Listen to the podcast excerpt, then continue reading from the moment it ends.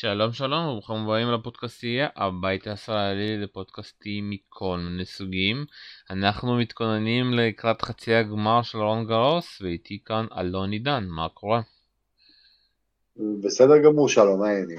אתה יודע, אני אתחיל, אתה יודע, לפני שנתחיל לדבר על נובק נדל, אה, זוורה וציציפס, שמע, אנחנו חייבים לדבר על, הצ... על הארגון הצרפתי, אתה יודע, אני כאילו, אתה יודע, לפעמים נותנים רישיון, אתה יודע, ושאתה לא יודע לעשות משהו, מישהו כן. צריך ללכת.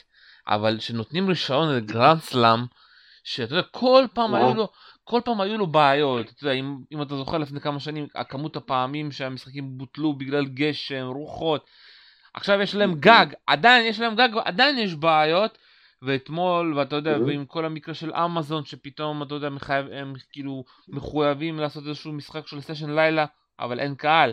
ואז עד שיש קהל, נכון. ב-12 צריך להעיף אותם. תגיד, זה ביזיון? מה נכון. זה בכלל? זה, זה, זה היה דבר ממש ביזאר, לא ברור, לא ספורטיבי, עוצרים אותם באמצע סתם, זה באמת, זה ממש, אה, תשמע, אתה יודע, במקביל לזה, להבדיל, להבדיל, להבדיל, היה משחק כדורסל בין uh, גלבוע גליל להפועל חולון, אני לא יודע אם אתה... זה, ובאותו זמן ממש, שם הייתה הפסקת חשמל בכל האזור, והמשחק גם נעצר, בסופו של דבר בוטל.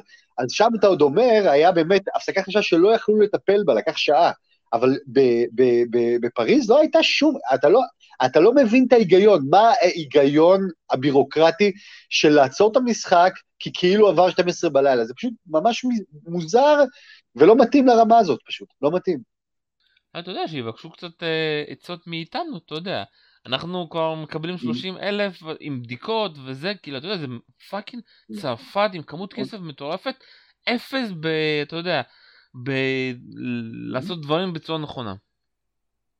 שמע, כל, כל, כל הקונספט של משחק לילה שמתאפשר בגלל הגג החדש וכולי, כשהוא, כשהוא נערך בלי קהל, זה ממש אה, אה, בדיחה עצובה. ה, ה, ה, ה, בעצם, בגלל שיש הרי סגר בצרפת משעה תשע בערב, אז זאת הסיבה, אבל העניין הוא שיותר טוב שיהיה משחק, לא יהיה משחק לילה, אלא שיהיה משחק באמצע היום רגיל, עם קצת קהל שעוד אפשר, ומאשר ההופעה המוזרה הזאת, שכאילו כולם מחכים למשחק הכי חשוב, כאילו של היום, או הכי אטרקטיבי וכולי וכולי, שאתה בעשר בלילה, או תשע, לא משנה, עד חצות, משחק בלי אף אחד, ממש בית קברות, זה ממש אי הבנה, עכשיו זה נכון שזה בגלל כל מיני חוזים שנחתמו וכולי וכולי, אבל אתה יודע, אתה אומר, אתם צריכים להיות יותר גמישים, ו- ולשנות את, ההחלט, את ההחלטות האלה, זה ממש פארסה הדבר הזה, ואגב, אני אומר לך שהמשחק המפורסם של פדר נגד קופר, שבסופו של דבר פדר פרש אחריו, המחזה כולו שם, שנמשך שלוש שעות וחצי, מול אין קהל, בשעה הזאת, זה היה לדעתי חלק ממש מהדיכאון שפדר כאילו נפל עליו, זה ממש אנטי ספורט היה, אנטי ספורט, חבל. זה גם המשחק הראשון של פדרו בלי קהל, אתה יודע. נכון. נכון, ועוד בלילה, אתה יודע, בגילו, כן, לשחק בלילה, אני חושב בכלל שהוא כבר לא אוהב את כל המשחקי לילה האלה, גם בניו יורק, גם זה, זה, זה, זה ניג'וס בשבילו, זה, אתה יודע, אתה עד 12, 1 בלילה משחק, עד שאתה הולך לישון, עד שזה, הוא לא אוהב את זה, בגיל שלו, הגוף שלו גם לדעתי יותר קשה לו להתאושש מהדבר הזה, ובטח כשאין קהל שעוד דוחף אותך, פשוט כלום, וה, וזה פשוט החלטות אומללות של מארגנים. אתה יודע מה עוד הצחיק אותי? המסיבת העיתונאים שלהם אה, אחרי הסיבוב השלישי שהם החליטו שכאילו היה כאילו שלא היה שום צרפתי שעבר אתה יודע בסיבוב השלישי לא בנשים ולא בגברים הם עושים מסיבת עיתונאים להסביר למה. שמעת על זה? כן, זה מגוחך, תשמע, הצרפתים זה היה מוזר, אתה יודע, היה מוזר. אגב, זה גם אחד הדברים היפים בו, שיש להם דברים ממש מוזרים שאתה לא מבין מה, מה הקטע, מה אתם רוצים מאיתנו. אבל, אה, אבל אני חושב שאתה יודע, מילא זה מסיבת עיתונאים מגוחכת כזאת, אבל לעצור משחק, ב, ב, ב, ב, ו, ואגב, אתה יודע, אני לא רוצה להגיד, אבל נגיד ברטינגניו, אתה יודע, הוא היה בסוג של מומנטום אפילו במשחק, אתה יודע, אתה עוצר באמצע את הדבר הזה, אתה חוזר קר, צריך עוד פעם להתחמם, זה פשוט אבסורד. מטומטם. טוב בואו נתחיל לדבר על המנה אה, העיקרית, אה, נדל דיוקוביץ', עוד פעם הם נפגשים, עוד פעם אתה יודע, מפגש אה, בין שני השחקנים המדהימים האלו. ואני אתחיל עם נדל. אני לא זוכר את נדל שנה שעברה בכושר הזה, אני חושב שנדל בכושר. יותר טוב משנה שעברה, כי אני חושב שהרולנד גרוס שנה שעברה בשביל נדל היה בדיחה, זה היה בהילוך שני בשבילו. אני חושב שנדל נותן ברמה, שוב עזוב, הוא, לא- הוא הפסיד פה סט, ועדיין, שוב הסט שם שאתמול הוא הפסיד לשוורצמן, היה סט ש... אה, איך להסביר את זה, ששוורצמן כאילו התעלה יותר ממה שכולם ציפו מאיתו, ממנו. אני חושב אבל נדל נמצא בכושר הכי טוב, והשאלה, אתה יודע, הכושר הכי טוב של נדל לבין המנטליות של נובק, ומה נקבל מזה. תשמע, אתה אומר המנטליות של נובק, אני, זה, אתה רומז שהמנטליות של נדל היא, היא לא מנטליות חזקה, אז בוא, נדל, לא, אני לא אה, רומז, יש לא, לו אני- גם, אני לא רומס את זה, אני אומר שאני בוא אני בוא- בוא- אני חושב שהעניין פה הוא יותר... אה, כי נובק יש לו את היציאות האלה, כמו ההפסד הזה בשובר שוויון עם המוזרים האלה למוסטי ולברטיני. כן. נובק צריך להראות כן. שהוא יכול להגיע גם מבחינת הכושר יותר טוב ממה שעד עכשיו הוא היה, והוא יכול להגיע, שזה כאילו, אתה יודע, וגם מבחינת המנטליות, שני הדברים האלה שהוא צריך לבוא ביחד מול נדל. אם הוא, הוא מגיע רק עם חלק? אחד, זה לא יעזור. כי נדל גם מנטלית וגם בכושר, הוא נמצא במקום הכי גבוה שאני זוכר אותו, ואתה יודע, ויכול להיות שהיו זכיות, אבל להגיע בשנת אה, 2021 עם כל הקורונה ועם כל הבעיות, עם ההפסד במונטה קרלו, ועם הכושר הרע שהוא היה בברצלונה והוא לקח שם בנס, אה, עם ההחטאה שם של ציציפס, אני חושב שהוא נמצא אוקיי. בזון מטורף, שנדל מחליט שהוא משחק אה, אגרסיבי, אי אפשר לעצור אותו. מסכים איתך. קודם כל, אתה יודע, זה, קודם כל, זה שזה בחצי גמר, זה מוזר. קודם כל, בוא נדבר על זה שזה, זה אמור להיות גמר, אוקיי? באופן עקרוני, אבל היה לנו פה מדוודב מספר 2 וכולי וכולי, אז זה כאילו אמור להיות גמר, אבל תשמע, אני אגיד לך מה, בניגוד לגמר בשנה שעברה, אה, ברולנד גרוס הקודם ביניהם, שאני חשבתי, כמובן זאת הייתה טעות אה, פטאלית, שלג'וקוביץ' אה, יש מה למכור שם, והוא אפילו יכול אה, להפתיע, כי אז נדל לא נראה העילאי שלו, וג'וקוביץ' כן אה, עשה רושם טוב, וראינו איך זה נגמר, באמת, הוא טיטה אותו, טיטה אותו אה, בקלות. פה, אה, ב- ה- המצב כרגע הוא כמעט הפוך. ה- ה- ה- ל- כאילו, אם אתה מסתכל על זה ברמה הכי פשוטה, נדל בכושר שיא, אוקיי? וג'וקוביץ' לא מרשים בכלל, וזה, אפשר לראות את זה גם מול מוסטי, ששתי מערכות ראשונות, באמת, אה, לא טובות, ואחר כך כאילו קורה משהו למוסטי בעיניי, יותר מזה שג'וקוביץ' פתאום אה, מעלה את הרמה, אז אני חושב שמוסטי פתאום, לא יודע, התעייף, אולי הייתה לו פציעה, אני לא יודע מה, אבל ג'וקוביץ' לא הרשים. גם אתמול נגד ברטיני, נכון, שתי מערכות ראשונות אה, אה, טובות, חלקות, אבל אחר כך אתה ראית שהוא נאבק, ואני אומר לך, שים לב לתגובה שלו בסוף המשחק.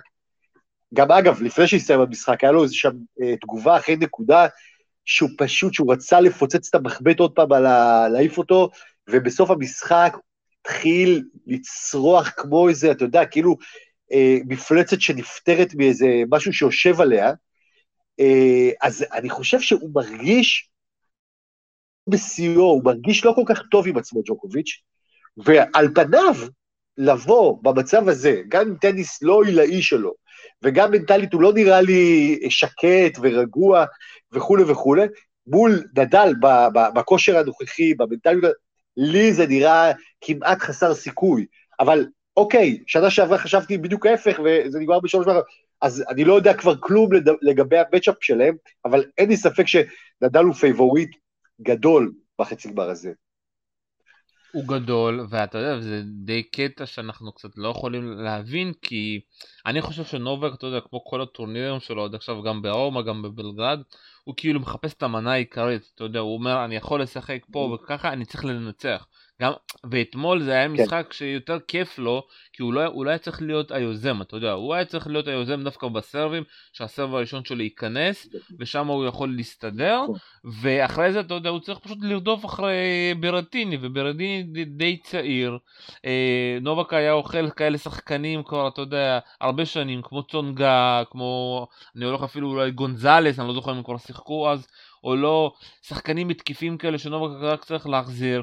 זה מצ'אפ לא, שקשה יותר להכין את עצמך איתו לקראת נדל. מסכים איתך, ואתה יודע, תראה את ההבדל בין מוסטי לברטיני, למשל, מנקודת מבט של נובק. מוסטי, אני חושב שמה שנובק לא אהב אצלו, בטח במערכות הראשונות, זה שהוא מחזיר המון כדורים לא חזקים, לא, חז... לא בהכרח חזקים, והרבה עם ספין גבוה, אה, אבל הוא משאיר המון כדורים על המשחק ואומר, אוקיי, אני לא הולך לתקוף אותך יותר מדי, אנחנו נשחק, כן? ותתקוף אתה אם אתה רוצה וכולי. נובק לא אוהב את הדבר הזה, הוא לא אוהב, הוא לא אוהב את הדבר הזה. הוא כן אוהב שתוקפים אותו, הוא אוהב להיות מותקף ולהגן כמו שכמובן הוא מגן אדיר, ומדי פעם כמובן להפוך את ההגנה למתקפה, גם את זה כמובן יש לו, אבל העניין של דומיננטיות לפעמים משחק את טובתו שהצד השני דומיננטי והוא מגיב, באמת, אולי המגיב הכי טוב במשחק, אוקיי? אה. אז, ו, וברטיני, אתה יודע, עם העוצמות האדירות שלו, אז זה נובק זה, זה, אם כי אני חושב שהוא יכל להסתבך מאוד אתמול, תשמע, הוא, הוא, הוא באמת, אחרי שהוא הפסיד את המערכה השלישית, ובמערכה הרביעית היה נראה שברטיני במומנטום, הוא יכל להסתבך, ואני אומר לך, זה שהוא יכל להסתבך, וזה לא היה כל כך משכנע, אחרי המשחק נגד מוסטי שלו היה משכנע, לי, זה, לי נראה שנובק הוא, הוא לא בשיאו, בכל מובן שהוא לא בשיאו, לא, לא, לא מקצועית ולא מנטלית, ואתה יודע, ברולנד גרוס, נגד נדל, לבוא, לבוא ככה, תשמע, אולי זה יוריד ממנו לחץ, כי אני חושב שאם הוא הולך לאתרי הימורים, הוא רואה ש... שאין לו יותר מדי סיכוי, יכול להיות שזה מוריד לחץ זה שהוא לא באמת מועמד פה פייבוריט וכולי, אבל תשמע, אתה רואה את נדל משחק, ואתה שואל את עצמך, תשמע, האיש בן 35, 35, אוקיי? אחרי כל הפציעות האלה, אחרי כל ההיעדרויות, איך, איך הוא משחק ככה? איך הוא זז ככה? איך, תשמע, אתה אומר מה, הוא לא מתעייף, אה, ראית נגד שוורצמן, שזה משחק מתיש, שעוד פעם, אני חושב, למרות שהמצ'אפ, מבחינת התוצאות מול שוורצמן הוא חד צדדי לגמרי, אני חושב שנדל לא אוהב את המצ'אפ הזה, לא אוהב ש...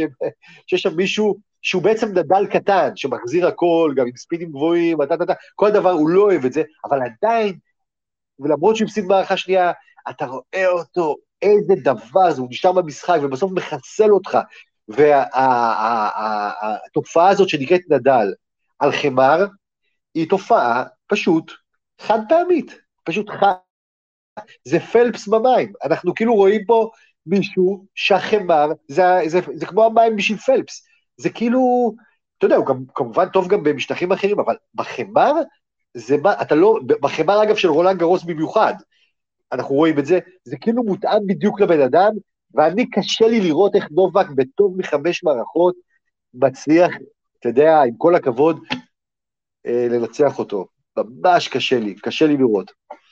שוב קשה לנו לראות, כי אנחנו, אתה יודע, אה, הכושר של, של שניהם, זה, אה, אתה יודע, אפשר להגיד קווים מנוגדים. אז בואו קצת נדבר על נדל. אתה יודע מה אני חושב כאילו הדבר הכי טוב שקרה בשבילו זה שפוואלוב ברומא. ההגרלה ברומא עשתה לו, היא כנראה תיתן לו את עוד גביע ברולנד גרוס. תסביר. אני אסביר. אני חושב שנדל אוהב לקבל שחקנים אה, קשים כבר בסיבובים הראשונים על החמר, ואז כאילו להתקדם עם כן. זה. הוא מגיע יותר חד לשלבים המאוחרים. ומה שהיה מול שפוואלוב זה נתן לו איזשהו נורת אזהרה, שהוא לא יכול להתחיל לשחק, אתה יודע, אחרי שעה או שעתיים, הוא צריך כבר להתחיל, אתה יודע, על ההתחלה. ראינו את זה מול סינר, ושוב פעם, סינר גודל להיות שחקן מטורף, במיוחד על החמר, זה שאין לו חוסר מזל עם ההגרלות זה כבר משהו אחר, אבל מה שהוא עשה לסינר כדי להראות ילד, אתה עדיין ילד, ואני אלמד אותך פה כמה שיעורים, גם ברומא, גם פה זה היה שיעור מדהים, אתה יודע, וסינר יודע, הוא שחקן טוב, הוא חזר מ-4-0 ל-4-3, אבל כמה הוא כבר יכול לחזור, ומה שהיה מול שוורצמן, זה גם, אתה יודע, אה, אתה יכול, שוורצמן שיחק ברמה מאוד גבוהה, אבל בסוף, בסט השלישי, אחרי השבירה הזאתי, הוא שבר אותו מנטלית לגמרי, וזהו, אתה יודע, מאחורי זה הוא לקח שם את כל הגיימים. נכון, אני מסכים בניתוח הזה, כמה דברים. סינר, לצורך, אני אגיד לך את האמת, אני קצת התאכזבתי ממנו במשחק נגד נדל, אני חושב שאחרי הרולנד גרוס הקודם, ואם אתה זוכר, במפגש ביניהם, סינר היה נראה כמו מישהו שנמצא ממש במסלול לגרד את נדל קצת, ב, ב, ב, אפילו על חמאה, זאת אומרת, הוא היה נראה כאילו שנדל ממש ממש מתקשה נגדו, וזה יכול כבר ממש, ופתאום אתה יודע, אתה באת פה ואתה ראית, ואני חושב שזה נכון לגבי הרבה שחקנים, בהקשר של נדל, על חמר, תראה, העוצמה הפיזית של נדל, הכוח בידיים וברגליים אני מניח, אבל בשרירי הליבה, אה,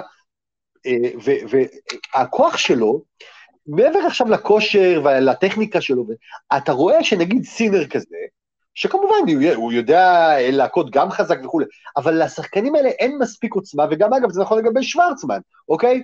זאת אומרת, שוורצמן, אני חושב שאם היה לו יותר עוצמה, זה קשור גם לגובה שלו, זה נכון, הוא יותר נמוך, קשה לו יותר לייצר את העוצמות האלה, אה, אין מה לעשות, אתה יודע, יש תנאים שהם אה, אפריורית, אלה התנאים, אבל אני חושב שנדל על חמר, העוצמה הפיזית שלו, היכולת שלו לתת, אה, אה, לחוות בכדור בעוצמה כזאת, היא מכריעה המון המון שחקנים, וסינר וכל מיני כאלה, הם, הם צריכים להתחזק, אתה יודע, באיזשהו אופן הם צריכים להתחזק כדי לעמוד מולו בחמר. אני לא יודע כבר, אתה יודע כמה זה רלוונטי, כי בכל זאת, אה, נדל בן 35 עד שסינר נדל כבר בן 37, אבל אתה יודע, אתה מסתכל עליו, נדל נראה לי, נגיד, בעיקר בטורניר הזה, כמו לברון ג'יימס, אתה יודע? כמו לברון ג'יימס, שאתה יודע, שאתה, שאתה חושב על לברון ג'יימס ב-NBA, אתה יודע, יש שחקנים אולי יותר וירטואוזיים, ובטח מייקל ג'ורדן, אבל תמיד כשרואים את לברון, אתה אומר, תשמע, זה לא פייר, הגוף הזה, כן, במשחק הזה הוא כמו שחקן פוטבול שמשחק כדורסל, אוקיי? ככה זה נראה לך, אתה אומר, המגרש קטן מדי בשבילו. ונדל נראה לי לפעמים עם הכוח שלו בידיים, עם השרירים האלה, ועם העוצמות שהוא יכול להוציא, עם הספין המטורף, שגם השריר שלו מייצר, זה נראה לפעמים שכאילו, חבר'ה, הוא פשוט יותר חזק, הוא יותר חזק מכם, נכון, מנטלית הוא מאוד חזק, טכניקה, הוא עובד קשה, הוא מתאמן, אבל חבר'ה, הוא יכול להכות יותר חזק, ופתאום סינר כזה, שרוך כזה מגיע, מאוד מוכשר, באמת מאוד מוכשר, אבל כמה כוח הוא יכול לייצר בכל מכה, פה ושם הוא יכול כמובן, השחקנים האלה יודעים לתת את המנוף הזה שנותן להם עוצמה, אבל אני מרגיש כל הזמן שנדל, וזה הספין המפורסם שלו, הוא מכניס כל כך הרבה כוח ונותן ספין כל כך חזק על הכדור, שקשה להם עם, עם הדבר הזה, גם לג'וקוביץ' לדעתי.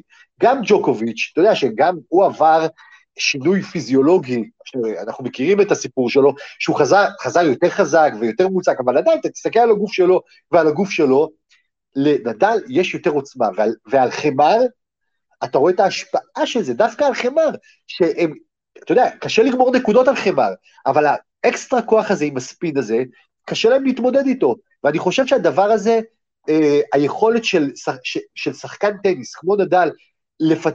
להיות עם שירים בעצם כמו שמתאגרף זה נראה לך לפעמים, ולהכות כל כך חזק בעוצמה כזאת, עם ספין כזה, תשמע, אני חושב שזה חלק מסוד כוחו המיתולוגי אה, ברולנד גרוס, ואתה רואה, ובגיל 35, מול השחקנים באמת הכי מוכשרים בעולם, ודור אחרי דור אחרי דור אחרי דור, הוא נראה כמו ספסימן, כאילו, הוא נראה לברון ג'יימס, כמו שלברון ג'יימס שולט 20 שנה ב-NBA, לא משנה, לוקח אליפות ולא לוקח, אתה מרגיש מישהו שפשוט יש לו איזו עוצמה פיזית כל כך חזקה, שכמובן מתלווה לזה עוצמה מנטלית, שגם כמובן מתחזקת ככל שאתה זוכה ביותר טורנירים, וכן, הוא נראה שם, אתה יודע, הם עשו שם סקר ביורו ספורט, הם עושים כאלה סקרים עם הקהל, אה, אה, כמה עוד אתה חושב רולנד גרוסים אה, נדל יזכה? תשמע, רוב האנשים חשבו שהוא יגיע 16, אם אני לא טועה. אתה יודע, זה אומר שהם חושבים שלפחות עוד שנתיים, כאילו אחרי הרולנד גרוס הזה, אחרי שהוא זוכה, עוד שנתיים, זאת אומרת, בגיל 37 הוא לוקח את הרולנד גרוס, אתה יודע, קבוע. וזה אגב לא מופרך בכלל. שמע, אני אגיד לך משהו מצחיק, אה, מישהו זוורף כזה שאתה יודע, השדר הקווים שלהם, אני אוהב כן. לפעמים את השטויות שהוא מדבר, אבל לפעמים הוא לא אומר שטויות, ואחד השטויות שהוא לא אומר, הוא אומר, עזבו את זה, אנחנו מגיעים למערכה שלישית, זה לא סתם שנדל שם מטאטא 6-0. אתם יודעים כמה אה. זה קשה לרוץ אחריו בשעה השנייה? אני לא מסוגל לראות את זה. אה, וזה היופי, אה, וזה היופי של נדל, שהוא יכול להמשיך באותה רמה, גם בשעה הראשונה, גם בשעה השנייה וגם בשעה השלישית. ראינו את סינר, ראינו את כן. שוורצמן, שוורצמן ברביעית כבר וסינר בשלישית, הם כבר לא מסוגלים להתמודד עם הרמה הזאת נכון. בשעה השלישית. עכשיו תגיד לי, זה אנשים בני, אה, אה, אה, סינר בטח, מה זה 22, 21, כמה הוא? 19 אה, אה, לדעתי. אה, 19, אוקיי, 19. אז אתה שואל את עצמך, איך, איך יכול להיות בעצם, וזה נכון אגב לא רק לגבי סינר ולשוורצמן שהוא יותר מבוגר, איך יכול להיות שצעירים כאלה, בני 19, 20, שאמורים להיות בכושר מדהים, מדהים, מדהים, מדהים, מדהים, מבחינת כושר גופני, עזוב עכשיו, לא מעניין אותי עכשיו טניס. איך נדל נמצא בכאילו במצב יותר טוב בשעה השנייה, בשעה השנייה, מאשר הם, אני לא מצליח להבין את הדבר הזה, באמת לא, פשוט, אתה יודע, ברמה הכי פשוטה של פיזיולוגיה של גוף האדם בגיל 20, 25, 30, 35. בגיל 35 יש צניחה, פשוט, גם ב-30, אבל ב-35 בטח, צניחה של היכולת הפיזית, ואתה לא רואה את זה, לא אצל נדל, אגב, גם לא אצל ג'וקוביץ' בעיניי הרבה פעמים, כן? זאת אומרת, איך הם עילויים פיזיולוגיים יותר גדולים מחבר'ה באמת שאתה רואה אותם מקלטי על, אוקיי? זה דבר שהוא בעיניי מדהים. אני אגיד לך שוב אני חוזר לזה שנדל מאוד חשובה לו הרוטינה הזאת, אתה יודע, הרוטינה הזאת של מונטה קרלו, ברצלונה, מדריד, רומא, אחרי רומא, אתה יודע, יש מנוחה, הפעם הייתה מנוחה גדולה יותר, אתה יודע, שבועיים, שזה אומר שהוא, יש לו יותר זמן להתאמן, אתה יודע, זה לפעמים שבוע כזה, שיש לו זמן יותר להתאמן, שזה, אתה יודע, יותר לעבוד על דברים. כמו שהוא אומר לפעמים בראיונות, אם אני משחק אגרסיבי, הולך על הפורום שלי, הולך, אתה יודע, אגרסיבי, בורח. אתה יודע, ראינו אתמול משהו, אתה יודע, מאוד מעניין. אתמול שהיה לו קצת קושי מול uh, שוורצמן, ששוורצמן ישב לו על הבקן, הוא התחיל להמר ולברוח לפורן. ו- ואתה יודע, כן, וכמה פעמים כן. שוורצמן אה, תפס אותו שם, אבל כמה הוא יכול לתפוס אותו? שנדל בורח לפורן וחוזר לצד השני בשעה, אחרי שעתיים של משחק, זה כבר לא כוחות. נכון, מסכים איתך, מסכים איתך. אבל גם, אני, אני, אתה יודע, אני חושב שגם, אתה יודע, נכון שהוא ברח לפורן וזה, אבל בסך הכל הבקן שלו בסדר גמור, הפורן כמובן אין מה לדבר. תשמע, הוא באמת נראה אה, ב, ב, ב, בשלב הזה בלתי מנוצח. אני לא רואה, אני לא רואה, תשמע, אתה יודע, נגיע עוד מעט לחצי גמר השני. אם אני רואה סיכוי זה מהחצי גמר השני ולא לא מאזור ג'וקוביץ' דווקא.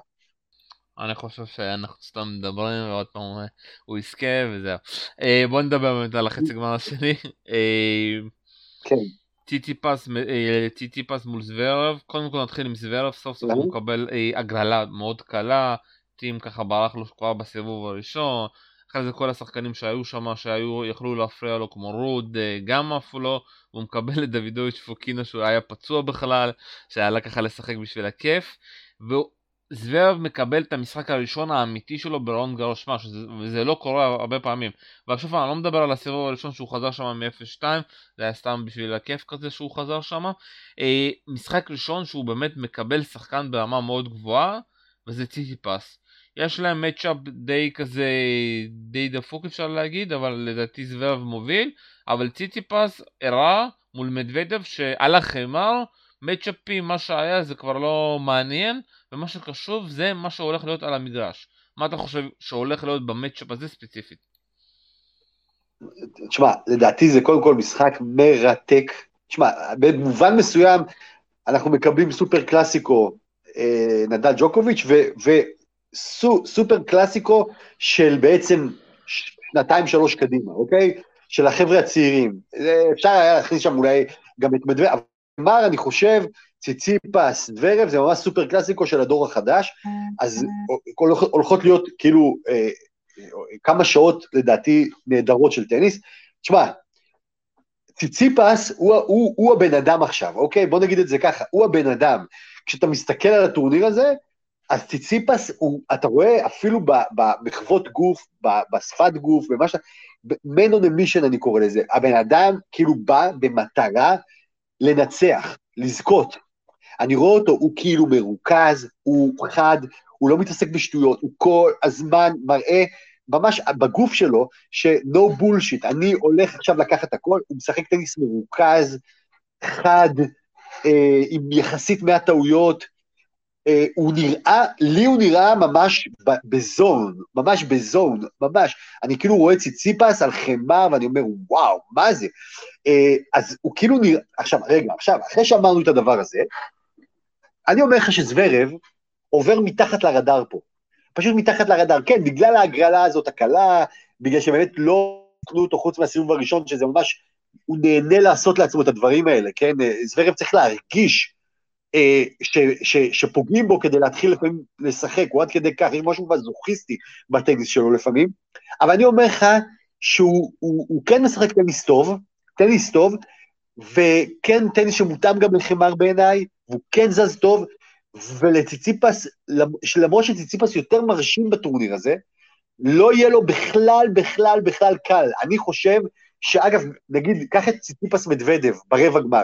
אני הרגשתי כל הזמן שמדוודב אומר לעצמו, תשמעו, אני זה שהגעתי ברולנד גרוס, בחמר בכלל, לשלב הזה, אני מרוצה. אני, אז הוא ינצח אותי. אוקיי, מקובל עליי שאני אפסיד בשלב הזה בחמר, אוקיי? אני לא טוב כל כך בחמר, והפעם הגעתי דווקא בשל, לשלב גבוה. לא הרגשתי שמדוודב מאמין שהוא יכול לנצח את ציציפס, ובכל זאת הוא הקשה עליו בטח מערכה שנייה וגם שלישית. אני חושב שנגיד זוורב לא בא ב mindset הזה, בתחושה הזאת. אני חושב שזוורב חושב שהוא יכול ציציפס, שהוא לא פחות טוב ממנו, גם על חמר, והוא יבוא באמת ב state of mind של לנצח, והוא מאוד מאוד יכול להקשות על ציציפס. עדיין אני חושב שציציפס פייבוריט פה, הוא נותן טורניר מהחלומות. הוא משחק את הטניס, אני חושב, כמובן, נשים את נדל בצד, הכי טוב, יותר טוב מג'וקוביץ', יותר טוב מכל האחרים, ולכן בעיניי הוא פייבוריט לא גדול, הוא 60-40, אני שם ציציפס, ואני גם רוצה להגיד לך, למרות שאתה מיד תגיד לי שזה לא נכון וזה שטויות, שציציפס הוא גם יכול, יכול, אני לא אומר, הוא בטח לא פייבוריט, יכול לנצח את נדל גם בגמר. יכול, אתה יודע, על הנייר, אתה יודע, בינתיים ציציפס הפסיד השנה על החימר לנדל, משחק שהוא היה צריך לנצח בברצלונה, היה חייב לנצח עם נקודות משחק, היה חייב לנצח שם. אה, אחרי זה הוא הפסיד גם לרוד וגם הפסיד לנובק. של שלוש הפסדים בעונת נכון. חימר זה מאוד טוב, במיוחד שאתה נכון. נמצא בהגרלה שקיבלת. אה, אבל אני אגיד לך, וגם מסתבר שגם ב... אה, המצ'אפ הפנימי שלהם הוא מוביל דווקא 4-1 והמשחק האחרון שזוורב ניצח זה היה דווקא השנה באקפולקו. אה, מה שאתה יודע אותי מאוד מעניין והרבה דיברו על זה זה דווקא הסרב השני של ציציפס. הסרב השני של ציציפס ממש השתפר במיוחד אה, ראינו את זה מול מדוודב שהיה לו מאוד קשה לתקוף את הסרב השני שלו מהצד השני יש את הסרב של זוורב השני שאין אותו עוד פעם הוא חזר לעשות דאבלים בכמויות גדולות עד כמה אתה חושב שזה ישפיע על המשחק הזה? קודם כל מאוד ישפיע בטח בטח אם יגיעו אם, אם שניהם יגיעו לרגעים מתוחים לשוברי שוויון ישפיע מאוד אני לא אני לא מצליח להבין באמת אני אומר לך זה תעלומה בעיניי הסרב השני של זוורב אני לא מבין איך שחקן בגובה הזה אוקיי? אתה יודע, עם טכניקה מזהירה כמעט בכל חבטה אחרת. באמת, בקאנד, שתי ידיים נהדר, פורן טוב, הכל. איך הוא לא מצליח להשתלט על סרף שני אפקטיבי, יעיל? אתה יודע, פדר פעם דיבר על זה שכאילו היללו את הסרף שלו הראשון.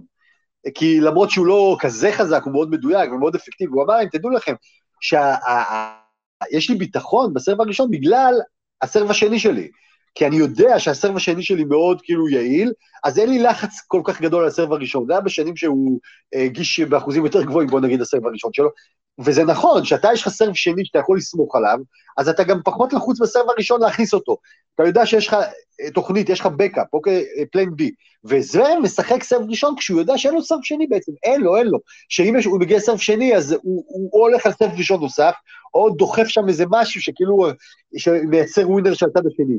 לא מצליח להבין איך ברמה הזאת של שחקן, עם היכולת הזאת, לא פתרו לו המאמנים את בעיית הסרב השני, שכמובן במשחקים צמודים, במשחקים מתוחים, במשחקים שאתה יודע, הכל מונח על ה, פתאום על הנקודה אחת ספציפית בשובר שוויון, הדבר הזה יכול להיות טרגדיה בשבילו, ואנחנו זוכרים אגב את הפארסות שלו בגמר ב-US Open נגד טים, כאילו, אתה יודע, כל הסרב השני הזה, שהוא, שלא האמנו שהוא הולך על סרב ראשון, גם בסרב השני ומעיף אותו החוצה, ואתה יודע, מה זה הדבר הזה? מה זה הדבר הזה?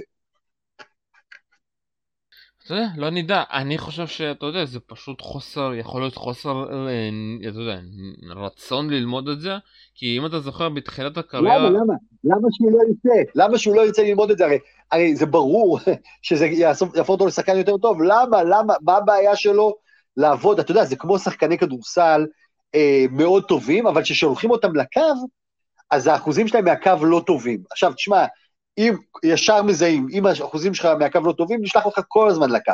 ואז אתה שואל את עצמך, למה השחקן כדורסל הזה לא עומד כל יום, שעתיים על הקו, וזורק, ולמה הוא לא עובד עם מאמן שמשפר לו את הזריקה מהקו? כי ברגע שהזריקה שלו מהקו תהיה אפקטיבית, לא יעשו עליו פאולים, ואז הוא יוכל לעשות דברים יותר טובים במשחק עצמו. ואותו דבר פה, הוא חייב שידעו שיש לו סרף שני. ואני אומר לך, גם אם הוא לא מצליח עם הסרף השני, הקלאסי שמלמדים אותו, זה שהוא רץ מהר מדי, לעשות סרף ראשון, כן?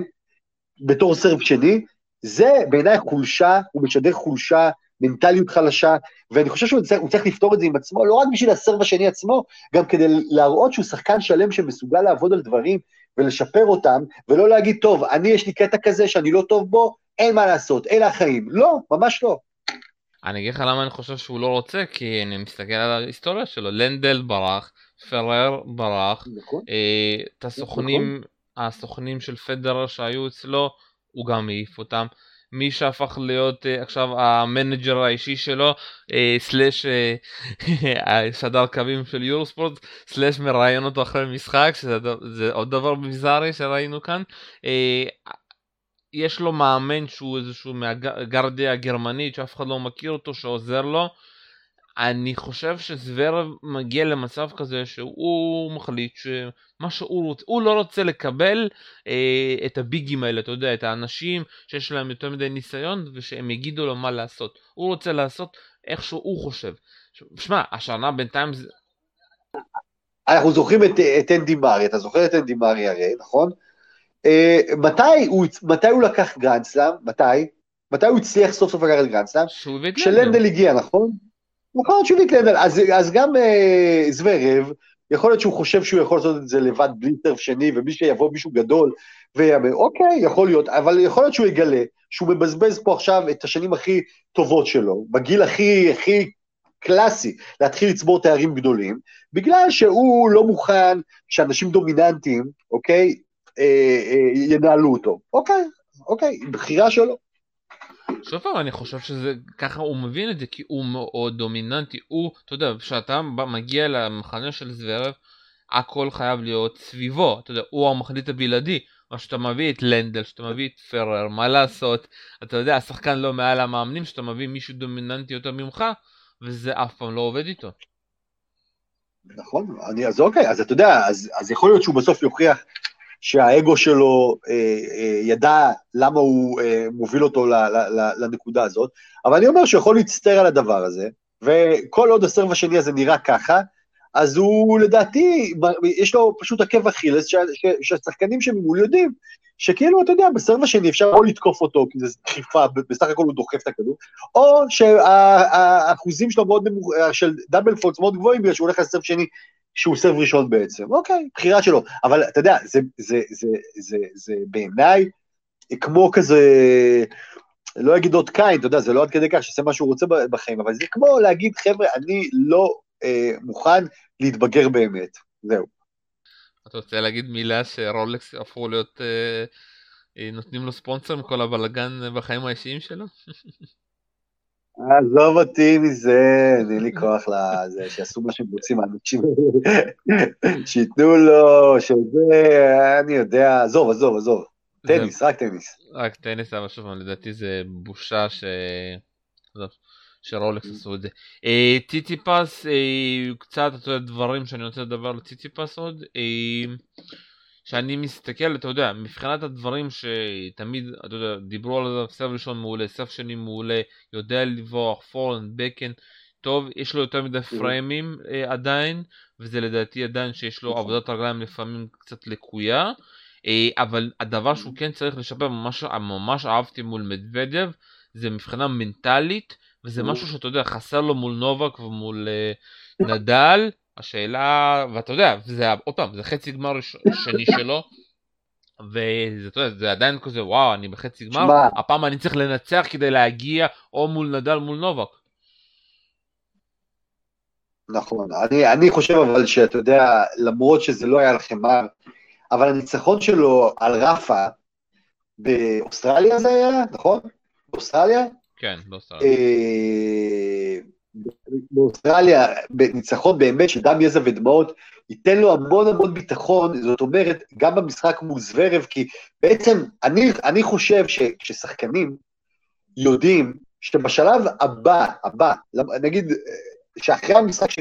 שעכשיו עומד בפתח, מחכה מישהו שאתה לא מאמין שאתה יכול לנצח אותו, אז זה משפיע עליך גם על המשחק הנוכחי. זאת אומרת, אם הוא היה חושב שתשמע, אני יכול לנצח אותו בחצי גמר וזה נחמד, אני רוצה והכל, אבל הרי ברור שאין לי שום סיכוי לנצח בגמר, לא את אה, נולה, נולה ולא את אה, רפה, אז אתה יודע, זה, אבל אני חושב שציטיפס מגיע למשחק הזה, תחושה שהוא יכול לנצח גם את ג'וקוביץ', וגם את נדל, בגלל שהוא ניצח אותו באוסטרליה, נכון, מגרש אחר, פתח אחר, אנחנו מכירים את נדל על אה, חמר, אבל אני רואה משהו באיך שציציפס משחק עם תחושת שליחות, שהוא מרגיש שהוא יכול ללכת עד הסוף.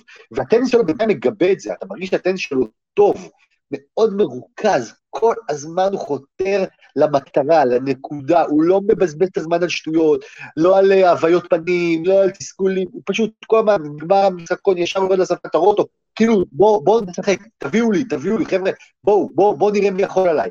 זה, הוא ב state of mind מאוד מאוד קטלני בעיניי, מאוד טוב לשחקן טניס, ולכן אני כאילו חושב שהוא גם favorite נגד זוורב, לא גדול, אבל favorite, ואני חושב שהוא כן יכול לפגוע אפילו ברפה, בנדל, בחמר, אה, לא יודע אם לנצח, אבל לפגוע בו, כן, לפגוע בו. גם שוב פעם, הוא תמיד יכול לפגוע, השאלה שוב פעם, אם יש לזה המשכיות, בינתיים הוא מראה שעל החמר הוא ממשיך ומשתפר. אני לא חושב, אני לא חושב, אני לא חושב, אני לא חושב, שלום, אני לא חושב שאתה אומר הוא תמיד יכול, אני לא חושב שהוא תמיד יכול לפגוע ברפה בחמאה בעולם גרוס, ממש, אני הולך נגיד שנתיים אחורה, אני לא, לא הייתי חושב שציציפס, לא. אוקיי? אני מדבר על השנה, אני מדבר על השנה. לא, אבל אני מדבר על רולנד גרוס. לא, לא, רולנד גרוס, אני חושב... אני מדבר על רולנד גרוס. לא, אני חושב שהשנה, אני מדבר שוב פעם רק על ציציפס, אני חושב שציציפס השנה ברולנד גרוס משחק את הטניס הכי טוב שלו, על החמר. אנחנו מסכימים לגבי נכון. זה? נכון, מסכים, הכי טוב שלו. יפה. הכי טוב שלו, ואני אומר, הכי טוב שלו לחמר. כן. השאלה עכשיו, אתה יודע, זה שאתה משחק טוב על החמר, עדיין אתה צריך לבוא לנצח את נדל את נובק, הוא לא הצליח לעשות את זה עם הטניס הכי טוב שלו. השאלה אם הוא יצליח לעשות את זה. זה שזה משימה, זה שזה משימה מטורפת זה ברור, וזה שזה רוב הסיכויים שהוא לא ינצח את נדל, ברור. וזה שאני חושב עדיין, למרות הכל, שהבקאנד יד אחת שלו שהיא טובה, כן? אה, זה סבל מול נדל והספין המפורסם שלו, אה, ו- ותאמין לי שנדל, אם זה יהיה הגמר, הוא יחגוג כל הזמן על הבקאנד של ציטיפס, כל הזמן, וכמה שהוא ינסה ללכת מסביב אה, כדי ללכת לפורד, אנחנו יודעים מה המשמעות של הדבר הזה.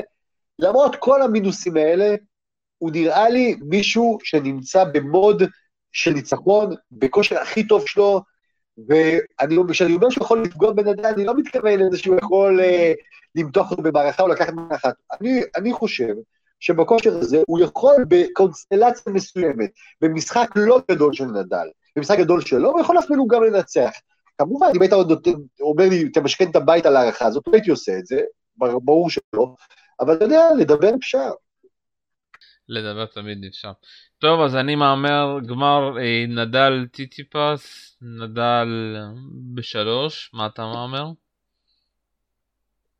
אני גם הולך על נדל טיטיפס, ואתה יודע, רק כדי אה, שיהיה מעניין, אני הולך ארבע לציטיפס. וואו, בסדר. כן, אבל זה רק כדי שיהיה מעניין. אמרתי, אני לא ממשכן את הבית הזה. כן. טוב בוא נדבר אתה יודע חייב לדבר קצת על אה, מישהו בשם אה, שוויצרי כזה שחזר אחרי שתי ניתוחים כזה ובא קצת ליהנות אמר שהוא אולי אני אפסיד סיבוב ראשון סיבוב שני מצא את עצמו בסיבוב שלישי ואמר אוי מה אני עושה פה אני צריך ללכת להתאמן על הדשא.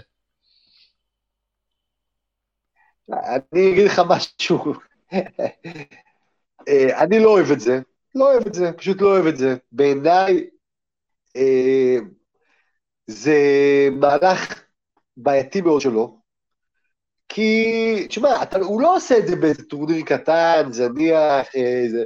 תשמע, אתה בא לגראנס, אתה מתייחס אליו כמו משחק אימון בעצם, כמו טורניר אימון לוויבלדון, אוקיי.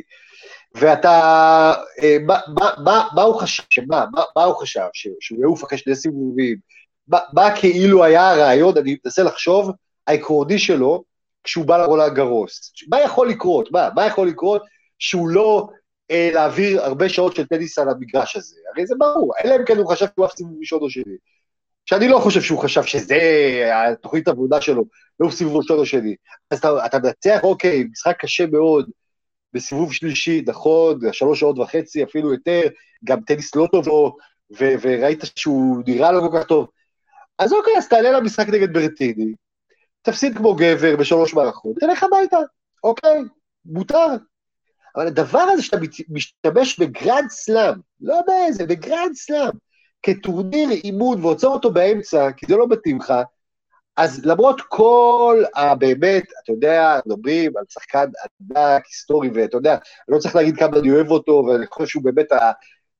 מבחינתי הספורטאי שהכי אהבתי, ואני הכי אוהב את זה, אבל לדעתי זה אה, משהו שלא עושים, פשוט לא עושים. אל תבוא, אם, אם אתה לא רוצה, אל תבוא. באת, תישאר שם, תפסיד ותלך הביתה.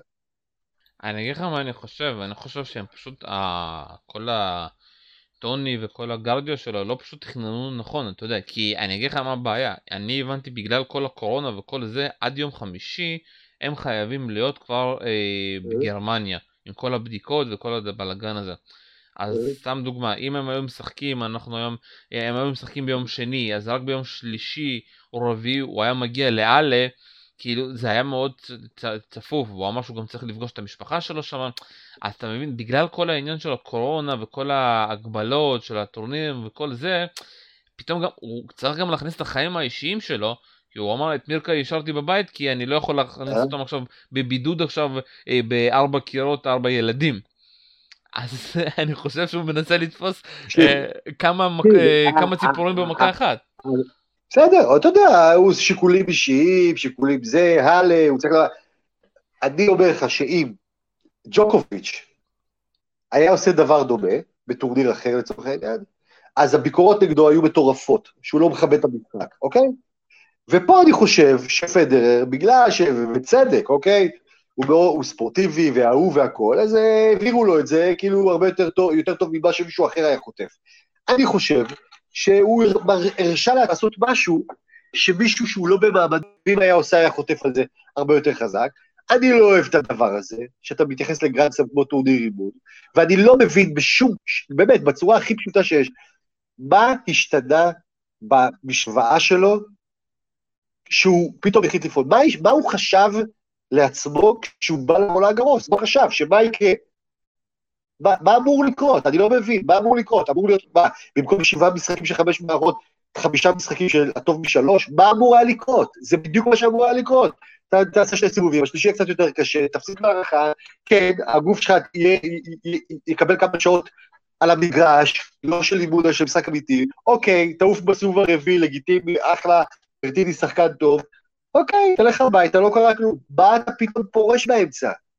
אלא אם כן אנחנו לא יודעים משהו, אולי הוא הרגיש את הברך, אולי הרגיש את השריר, הערך האחורי, אולי את הגב, אני לא יודע מה, והוא לא רוצה לחשוף את זה, אולי, אולי, אבל בהנחה שלא קרה איזה משהו שאנחנו לא יודעים, בעיניי זו החלטה לא לעניין. שוב פעם, אנחנו לא יודעים, אבל לדעתי פיזית, שוב הוא לא מוכן. הוא לא מוכן ליותר משלוש משחקים, אה, בהפרש של יומיים, הוא גם דיבר על זה שהוא לא יודע איך הגוף שלו ירגיש, מאוד קשה לו לקום יום למחרת, ושוב פעם, ובגלל העניין הזה שהוא חייב לעוף אה, עד יום חמישי להיות באלה בגלל כל העניין של הקורונה, גם כאילו, אתה יודע, להגיע מול ברטיני ולהפסיד לו, זה צפוף מדי. אני, אני, תשמע, אני אגיד לך את האמת, עזוב עכשיו את הבירוקרטיה, הוא, הוא שם המון על ווימבלדון, אבל אני לא רואה שום סרט, שום סרט, שהוא יכול לזכות בגרנד סלאם של שבעה משחקים של הטוב מחמש. דשא, לא דשא, אה, אני, לא, אני לא רואה את זה קורה, בטח מול דור חדש כזה, בטח ג'וקוביץ' ונדל, עזוב, אני לא רואה את זה קורה. תשמע, זה, זה מאמץ פיזי שאני לא חושב שהוא יכול כבר לעמוד בו. אני אומר שזה תלוי בהגרלה. הגרלה טובה. אה, והוא יכול, כי שוב פעם, כל הדור החדש, זה פעם ראשונה שהוא מגיע אה, כ favorite, גם אתה יודע, ציציפס אף פעם לא הצליח על הדשא, מדבדב אף פעם לא הצליח על הדשא, אה, אנחנו למי אנחנו הולכים, זוורב אף פעם לא הצליח על הדשא של וימבלדון במיוחד, הם עדיין לא יודעים איך זה, היחידים שמצליחים שם תמיד זה נדל, אה, נדל ונובק, אתה יודע, בסופו של דבר, ותמיד איזשהו serve volley כזה שמגיע לך פתאום, כמו איזנר אנדרסון, שבאים ככה ומתפרעים שם עם האסים. טוב. נכון, אני מסכים איתך עם כל הניתוח הזה, אבל אני, חושב, בלי קשר, אליהם, שפדרר במצבו הגופני הזה, לא יכול לנצח שבעה משחקים של הטוב מחמש, גם על דשא. לא, זו דעתי, הלוואי שאני טועה. טוב, אלון עידן הארץ, תודה רבה לך. תודה שלום, ביי ביי. תודה רבה שהקשבת לנו, ביי ביי.